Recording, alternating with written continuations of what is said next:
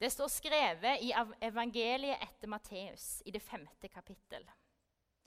Dere er jordens salt. Men hvis saltet mister sin kraft, hvordan skal det da bli gjort til salt igjen? Det duger ikke lenger til noe, men kastes ut og tråkkes ned av menneskene. Dere er verdens lys. En by som ligger, på et fjell, kan ikke skjules. Heller ikke tenner man en oljelampe og setter den under et kar. Nei, man setter den på en holder, så den lyser for alle i huset. Slik skal deres lys skinne for menneskene, så de kan se de gode gjerningene dere gjør, og prise deres Far i himmelen. Slik lyder det hellige evangelium. Vi drev også rydda litt hjemme hos meg for ikke så lenge siden. Vi rydda i skuffer og skap, for vi trengte litt bedre plass. Og Spesielt kjøkkenet trengte en opprydning. Der var det mye forskjellig. Og så har vi òg en bod som vi bruker til spisskammers. Det er forskjellige sånn tørrvarer og sånt. Og når jeg gikk gjennom den boden, så fant jeg en kartong med kvernsalt. Sånn som det er oppe i Saltkverna.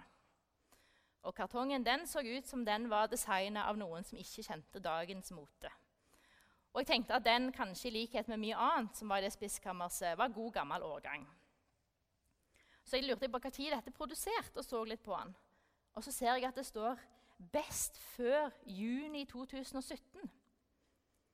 Saltet har utløpsdato, sa jeg forskrekka til mannen min. Og Han forsto ikke helt problemet med det. Jaha, sier han.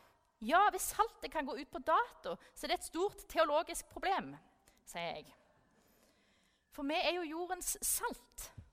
Saltet jo, skal jo være det som konserverer, det som tåler tidens tann. Og Så leste jeg litt mer på denne saltpakken, og så sto det nemlig det at hvis saltet ble oppbevart riktig, så hadde det nærmest uendelig holdbarhet. Dere er jordens salt, har vi lest. Dere er jordens lys. I dag så er det allehelgensdag. Og denne dagen den har sitt opphav i katolsk tradisjon. Der hadde man en dag der en feira alle helgener som ikke hadde sin egen spesielle dag. Det var den 1. november. Og den 2. november så feirer han alle sjelers dag. I den reformerte kirka slutta vi å tilbe, tilbe helgener. Men vi tok med oss denne allehelgensdagen. Men han endra litt karakter. Det var ikke lenger en feiring av helgenene, men av de gode kristne forbildene. Og etter hvert så har det blitt en minnemarkering for de døde. Og I moderne tid så har denne dagen blitt plassert den første søndagen i november. Og det er i dag. Jeg har av og til gått på gravsteder i forbindelse med Allehelgensdag og sett et tent lys på alle gravene. Lys over hele kirkegården. Jeg har sett hvordan folk har vært der for å minnes de som de savner.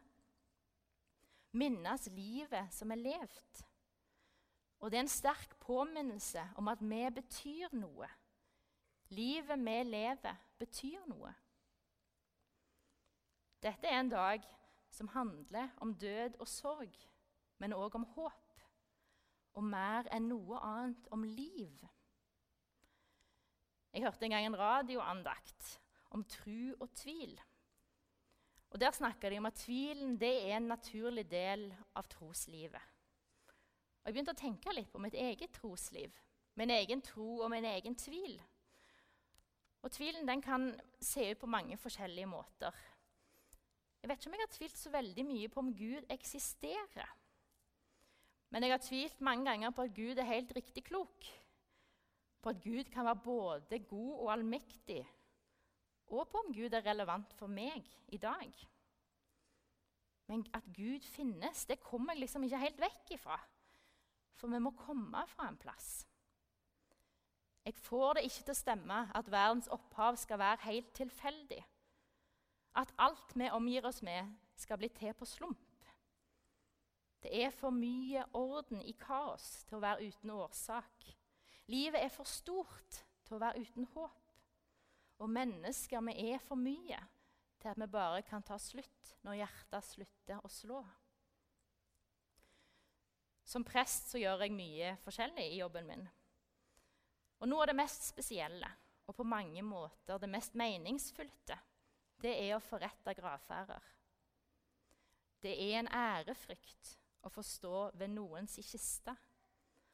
Å gå sammen med de sørgende mens vi følger noen til deres siste hvilested. I keltisk spiritualitet har de et begrep som heter 'thin places', eller tynne steder. En plass der grensen mellom jord og himmel er ekstra tynn.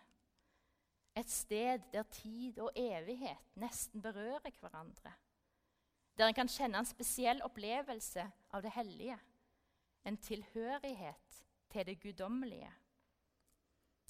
Og De ukene som jeg har gravferder, så kan jeg nok oppleves litt fjern av de som jeg har rundt meg. Av og til må de spørre meg om noe to ganger for å få svar. Og det er ikke alltid jeg følger helt med med en gang på hva som blir sagt. For jeg kan kjenne at det er noe mektig som drar i meg. Framtida vår den kan være skremmende. Og I større og mindre grad så tror jeg at vi alle bærer med oss en viss utrygghet i møte med framtida. Vi vet ikke hva som vil møte oss i livet.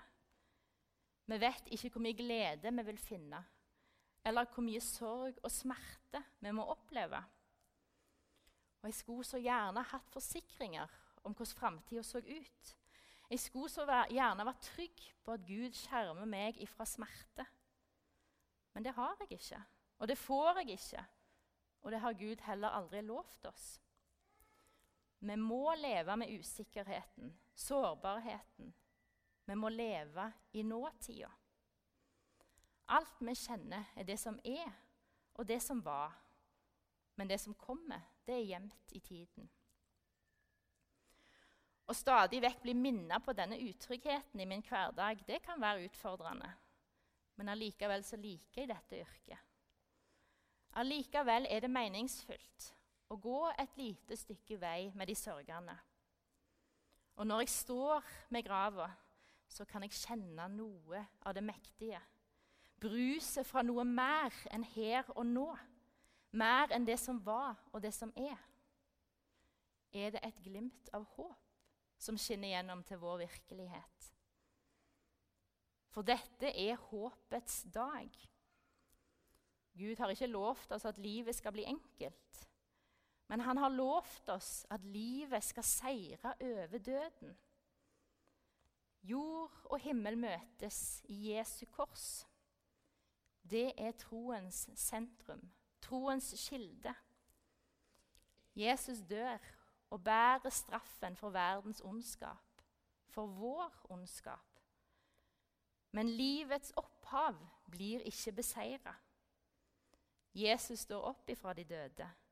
Og med det endrer forutsetningene for livet, for verden og for tiden. Tiden begrenser oss nå, men Gud eier evigheten og jeg så en ny himmel og en ny jord. For den første himmel og den første jord var borte, og havet fantes ikke mer. Det har vi lest fra Johannes' åpenbaring, og det fortsetter. Se, Guds bolig er hos menneskene. Han skal bo hos dem, og de skal være hans folk. Og Gud selv skal være hos dem. Han skal være deres Gud. Han skal tørke bort hver tåre fra deres øyne og døden skal ikke være mer. Heller ikke sorg eller skrik eller smerte. Dette har vi fått høre fra Johannes' åpenbaring, den siste boka i Bibelen. Og dette er det løftet som Gud gir oss. Dere er verdens lys. Jeg sa at dette er en dag som handler om livet. Det evige livet. Og det har allerede begynt. Gud betyr noe for oss her og nå. Gud vil at vi skal leve som lysets barn, med trygghet om at Gud skal bevare vår inngang og vår utgang, fra nå og til evig tid. Dere er jordens lys. Dere gir livet lys. Fyller det med glede for hverandre. Fyller oss med troen på at livets opphavsmann er god. Dere er bærere av håpet, av budskapet om de gode nyhetene, om budskapet om Kristus. Det fins en himmel over livet. Det fins en hensikt i tiden. Det fins et håp som overgår all forstand. Det fins en Gud som elsker oss, og som er sammen med oss. Som har gått gjennom døden for oss, som kjenner veien til det evige livet, og som ber oss å følge Han. Ære være Faderen og Sønnen og Den hellige ånd, som var, er og blir en sann Gud fra evighet og til evighet. Amen.